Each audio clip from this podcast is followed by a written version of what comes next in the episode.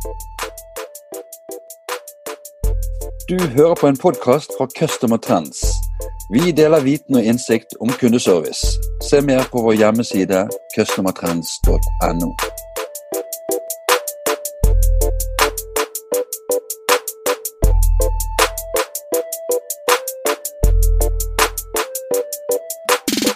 Hei, og velkommen til en ny kundeservice-podkast. Mitt navn er Bjarte Lyssand fra Customer Trends. I dag skal vi snakke om kundeservice i et strategisk eh, perspektiv. Og det er en stor glede for meg å ønske velkommen til dagens gjest, gjest Espen Oppedal, som er sjef for eh, Trygg Forsikring i Norge. Velkommen, Espen. Ja, takk, takk, takk skal du ha. Hvordan står det til med deg? Det går fint. Det er travelt selv om det er korona. Så jeg har ikke fått gleden av å hygge meg mye på hjemmekontoret og føle fritid. Men eh, sånn skal det vel også være. Så vi har mye å gjøre, og det, det er kjekt, det. Det er, eh, det er, godt å høre. Eh, før, vi, eh, før, vi, går inn på dagens tema, Espen, hadde det vært kjekt å høre litt om, om deg og om eh, selskapet ditt? Ja, hva skal jeg si. Eh, jeg er leder for, for den norske delen av Trygg. med ja, med salgsapparat er vi oppe i 1500-1600 ansatte. Så det er masse, masse, hyggelige kollegaer og masse dyktige folk. Jeg eh, har jobbet i Trygg i en, eh, ja, nå er det 15 år, faktisk, så det er lenge. Og Tidligere eh, så jobbet jeg mer i industrien, så jeg har litt forskjellige erfaringer. Og har også i, i selskapet jobbet med alt fra eh, skader og eiendomsbiter og IT og litt forskjellig. Så jeg har en litt blandet erfaring før jeg nå har ansvar også for salgsdelen. Så du kan si min erfaring fra kundeservice er ikke så veldig mange år tilbake. Men eh, jeg har jo hatt en bratt lærekurve, og det syns jeg er spennende. Så um, i Trygg eh, er jo kundeservice hjertet i organisasjonen. Vi er opptatt av at eh, kundene skal være lenge hos oss. Eh, og da er det selvfølgelig viktig å kunne, kunne, gjøre det her på en god måte. Så det er noe vi har jobbet mye med de siste årene, og, og helt sikkert har mye, mye igjen å lære.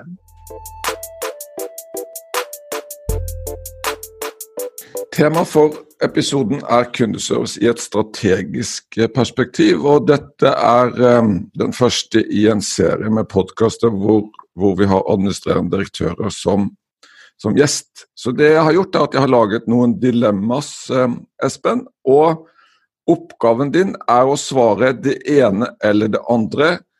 Uh, og så skal vi komme tilbake til spørsmålene litt mer utdypende i etterkant. ja. Ja, men jeg vil bare ha det ene eller det andre. Så Første spørsmål er insourcing eller outsourcing? Ja, da må det bli insourcing. Nummer to robot eller menneske? Jeg vil jo svare begge deler, men jeg får ta menneske, jeg da, siden jeg bare får lov til ett. Tredje spørsmål er ja eller nei til resultat, resultatbasert avlønning? Eh, nei. Nummer fire er jo inspirert av denne koronasituasjonen. Kontor eller hjemmekontor? Ja, ja nå viser det seg at begge deler virker, men jeg får si kontor, jeg, da. Du er flink så langt. Eh, femte spørsmål. Begeistring eller effektivitet? Ja, det blir begeistring. Og sjette og siste spørsmål. Høy eller lav turnover? Ja, Det er jo et dilemma, da. Jeg liker jo ikke for lav turnover, så jeg tror jeg faktisk våger meg på å si høy her.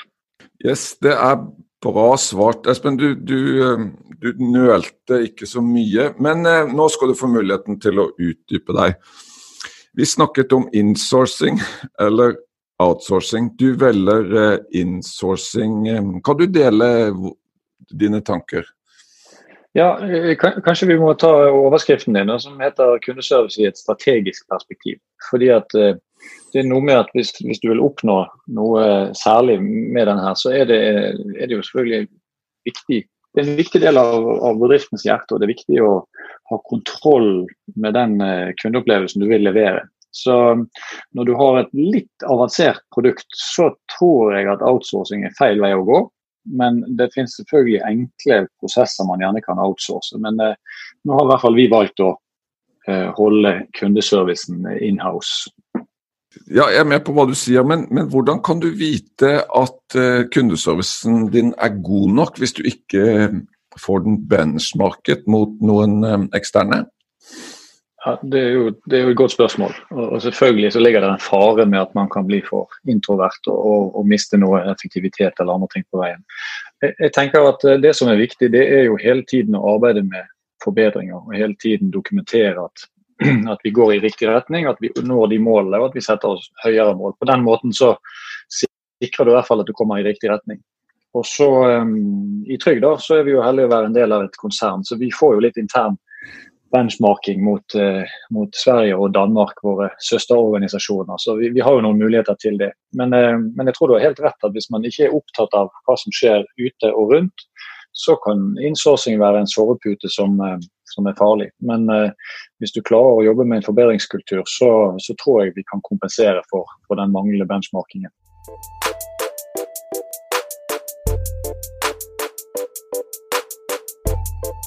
Vi skal videre, og um, det neste dilemmaet du fikk, det var dette med maskin eller uh, menneske. Du valgte deg menneske. Hvorfor det? Ja, og Det kommer fra en fyr som har vært eh, teknologisjef i mange år også. Eh, jeg tror det, det, er jo et dilemma. Og, og, Vi har jo stor glede av å bruke chatbot-teknologi og utvikle bedre IT-løsninger som gjør at eh, jobben i fronten er enklere for de som jobber der. Grunnen til at jeg valgte menneske, er jo fordi at vi skal tilføre noe ekstra. Og Jeg tror ikke at roboten erstatter mennesket, men jeg tror den kan avlaste mennesket på enklere oppgaver. Mens vi som selger produkter som er eh, relativt kompliserte og som kundene har mange spørsmål til, eh, da ser vi i hvert fall at det er vanskelig med, med webløsninger og chatbot-løsninger for å få komme tett på kunden og gi en god opplevelse.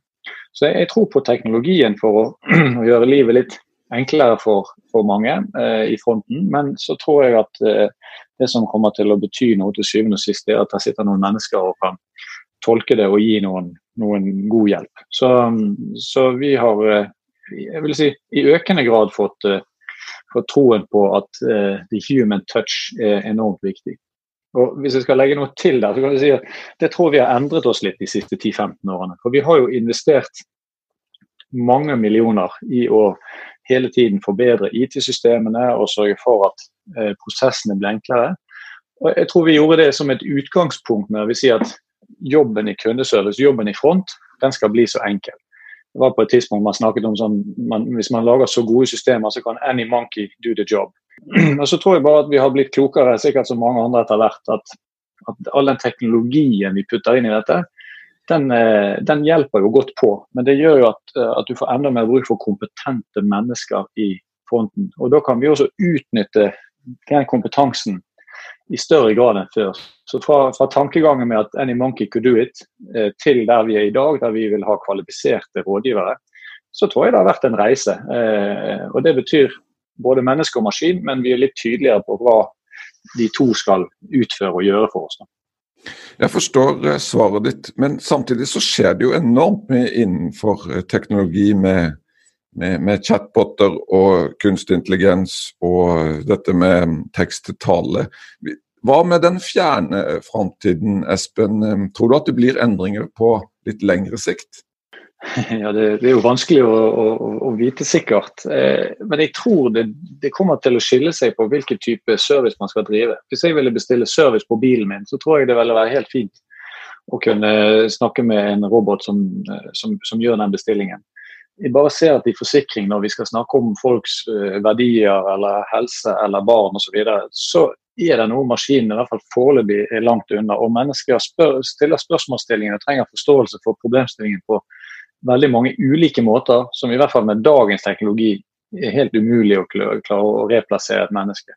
Så skal jeg være helt ærlig, så tror jeg faktisk at uh, maskinen kommer til å bli viktigere og avlaste oss. Men jeg tror at for oss som forsikringsselskap som ønsker å skape trygge kunder, så kommer vi alltid til å kunne uh, tilby et menneske i front og, og kunne rådgi. Og så kan kunden kanskje velge om, om man vil ha maskin eller menneske.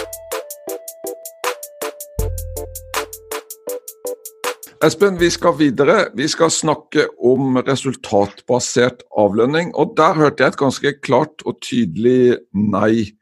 Hva er bakgrunnen for ditt klare standpunkt der? Eh, det, er jo ganske fersk erfaring. da.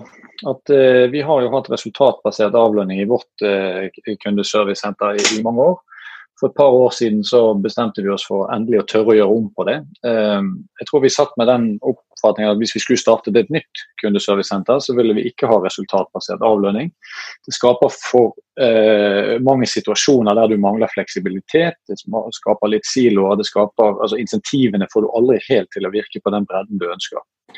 Men når du har en stor organisasjon som har dette innarbeidet, så var vi litt eh, tvile til om vi kunne klare det. Men vi, eh, vi bestemte oss for å gjøre det. Og, um, og, så må jeg bare si at erfaringen så langt, nå har vi holdt på med endringen er vel halvannet år siden, den har vært bedre. Eh, mange av de tingene vi fryktet, det har vi unngått. Eh, vi har selvfølgelig begeistringskampanjer, premiering, den type ting, men ikke noe som går direkte på, på lønn.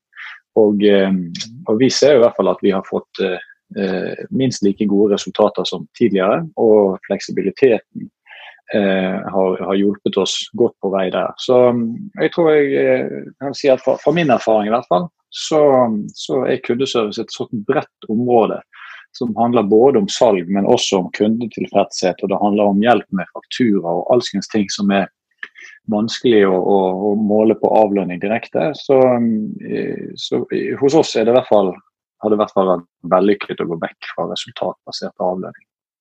Neste spørsmål det er eh, hyperaktuelt. og Jeg leste senest eh, i avisen i dag at mange av de største norske bedriftene eh, ville tenke nytt i forhold til dette med hjemmekontor. Du svarte kontor, Espen. Hvorfor det? Mm. Nei, det, det, var vel fordi at jeg tenker at i den arbeidsformen vi vil ha, hvis vi vil ha høy kompetanse og god rådgivning i front, så er det alltid greit å samle miljøene. Arbeide med begeistring, arbeide med lagånd, arbeide med kompetanse, og ikke minst at det er lettere å spørre seg litt rundt. Og, og så kan du si Koronaen har jo da eh, vist på en fantastisk måte at eh, når alle dro på hjemmekontor, så gikk jo kundetilfredsheten opp. Så Det skulle jo bety at vi, vi ville bare fortsette å ha folk på hjemmekontor. Og så tror jeg at eh, jeg tolker det som at det har vært en enorm fleksibilitet. Folk har virkelig eh, gjort en kjempeinnsats, men over tid så tror jeg du vil miste noe hvis, hvis du drar eh, hele eh, kundeservicen på, på, hjemmekontor. Så Det er noe med denne dynamikken, det er noe med farten, det er noe med opplæringshastigheten på nye folk. Det er noe med lagånd og, og, nå felles mål og resultater som gjør at jeg i stor grad ville hatt disse miljøene på kontoret. Men, men når det er sagt, så jeg er også tilhenger av noe av det som andre bedrifter har, har kommet med. At uh, selvfølgelig en fleksibilitet, se på det som et medarbeidergode. En fleksibilitet til å kunne gjøre uh, noe på hjemmekontor, noen dager på hjemmekontor. Det, det vurderer vi òg og jobber også med. så det, Jeg tror ikke det er noe i veien for det. Men jeg, jeg, jeg tenker det er mer som et medarbeidergode. Et, uh, en, en, fleksibilitet som vi nå har lært oss. Teknologien er, er med. men at tenke seg at vi ikke har eh, samling for disse miljøene over tid. Det, ja, det kan hende jeg tar feil, men jeg tror, det, jeg tror det vil være en dårlig løsning. Espen, jeg ville spørre deg et personlig spørsmål i forhold til din egen ledergjerning og din egen ledergruppe. Har du gjort deg noen erfaringer i forhold til dette med fjernledelse og ja, absolutt. Eh, vi har lært mange ting, sikkert alle sammen, gjennom denne perioden. Jeg tror eh, Det virker jo tydelig at ledelse blir enda viktigere i en sånn litt sånn krise- og uoversiktlig situasjon. Så Det er nå den ene tingen vi ser. Og så er det andre vi ser at de ledere som arbeider aktivt på å være tett på folk, selv om de sitter på ulike kontorer, de, de skårer stort på det. De som har vært for passive i den fasen de skårer lavere både på tilfredshet og på, på resultater. Så jeg tror det, det, er litt krevende for oss eh, ledere å sørge for at vi både eh, virker nærværende og bruker litt tid eh, på, på, på de vi leder. Og så er dette med kommunikasjon har vist seg å være enda viktigere. Så jeg har brukt mye mer tid på kommunikasjon i forskjellige kanaler. Det er alt fra, Jeg har aldri spilt inn så mange videosnutter i mitt liv som vi har sendt rundt, og vi har laget artikler og vi forsøke å snakke med folk. Så det tror jeg har vært en god ting. God effekt av det her.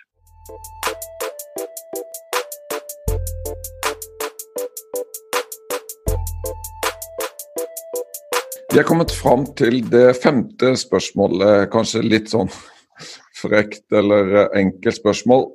Eh, men jeg ga deg dilemmaet begeistring eller effektivitet, og du var ganske tydelig på dette med begeistring. Hva, hva er bakgrunnen for det?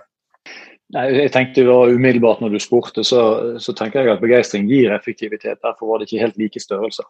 Men, men jeg, synes, jeg, må jo få legge til at, det er jo veldig viktig å måte akseptere i en kundeservice-situasjon at målinger og eh, oppfølging på effektivitet det er en del av hverdagen. og det, det, må man jo på en måte leve med når man arbeider et sted. Så, det, så det, dette med å ha litt disiplin og litt eh, eh ja, Vi kaller det vel adherence, men, men, det er noe med å sørge for at kundeservicen fungerer. og at Det er viktigere enn hver enkelts eh, arbeidssituasjon gjør at man har litt strammere styring Eh, på rollene i et, eh, i et, kontaktsenter eller i kundeservice. Så, så, det er klart det er et viktig område å jobbe med separat. Men jeg bare vet jo av erfaring her nå at når, når begeistringen er stor og du får til eh, en lagånd, så, så, stiger produktiviteten eh, automatisk. Så, så derfor valgte jeg det alternativet. Espen, du nevnte innledningsvis at du opplever kundeservice som hjertet i bedriften. Samtidig så, så er jo kundeservice en stor kostnadsdriver for eh, et forsikringsselskap. Kan du dele litt dine refleksjoner i forhold til det? Ja, nei, du har jo helt rett at kostnadssiden er jo veldig krevende. Så jeg tenker jo tilbake til ideen vår om å ha kompetente mennesker og effektive løsninger som gjør at vi er nødt til å ha en forbedringskultur også der. da vi må forvente at uh, hvis vi får til en god chat-teknologi, så vil vi kunne operere flere chatter parallelt i neste år enn det vi gjør i år. Uh, vi er nødt til å, å passe på at, uh, at, vi har et kostnadsfokus hele tiden og får mer ut av de samme pengene. Så jeg, jeg tror det går an å ha to tanker i hodet på en gang. Både oppnå en, en positiv og god kundeservice og samtidig passe på å ha stram kostnadsstyring. For, um, for du har helt rett i det at det, dette er en av de store kostnadsdriverne i, i, vårt selskap. i hvert fall, og, og, Det betyr at vi er hele tiden nødt til å passe på. Eh, og Derfor blir eh, produktivitet, effektivitet eh, og målstyring ganske viktig for, for å i hvert fall være sikker på at vi får mer ut for hver krone fra året til år. Jeg lurer litt på på um, disse, disse, ressursene du frigjør ved å investere i, i f.eks. chatbot, som tar noen av de enkle volumhenvendelsene. Um, de pengene du da sparer, Espen, hva er det du har lyst til å bruke de på? Det er vel særlig to ting. jeg tenker Vi, reinvesterer jo i mer teknologi. Eh, det er det ene. Eh, stadig enklere løsninger og bedre teknologi for de som går i front. Og Det andre er at, eh, at kompetanse koster en del. Nå det, har jo vi stilt krav hos oss at vi, vi gir godkjenningsordninger på forsikring. og Nå kommer det også en godkjenningsordning på personforsikring og, og personlig økonomi. Sånn at vi investerer ganske mye i å sørge for at vi, vi har kompetente rådgivere i, i, fronten. Og det får vi jo bedre mulighet til eh, hvis vi klarer å laste av oss litt kostnader på de andre områdene. Da. Så teknologi og kompetanse er, er viktig å reinvestere besparelsen i, tenker jeg.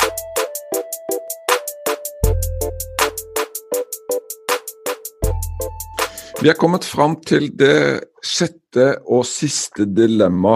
Og mellom høy og lav turnover så gjorde du kanskje litt utradisjonelt valg og endte på høy, Espen. Hva, hva er bakgrunnen for det? Mm.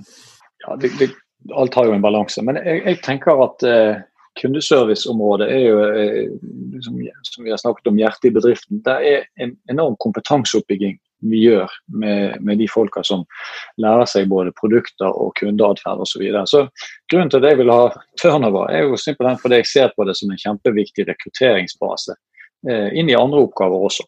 Sånn at jeg håper at mange av de andre jobbene vi besetter i Trygd, det kan vi jo eh, plukke gode folk som har fått en fantastisk grunnopplæring der.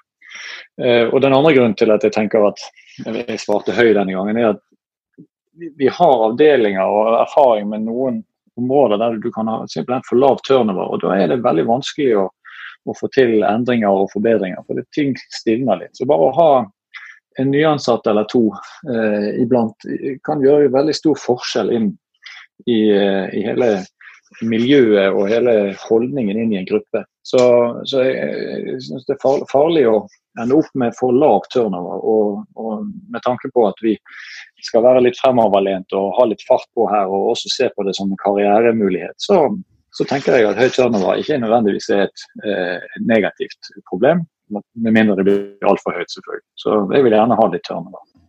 Espen, da var vi ved veis ende. Jeg vil eh, takke deg for at du satte av eh, tid i din travle hverdag for å, å dele av din erfaring. Bare hyggelig. Det et spennende område. og Jeg, jeg blir veldig glad i både kundeservice og problemstillingene rundt det. Det synes jeg er superinteressant å jobbe med. Altså. Yes, Tusen takk, Espen, og ha en fin dag. Ja, takk det samme. Du har hørt en podkast fra Customer Trends. Vi håper du har latt deg inspirere og lært noe nytt.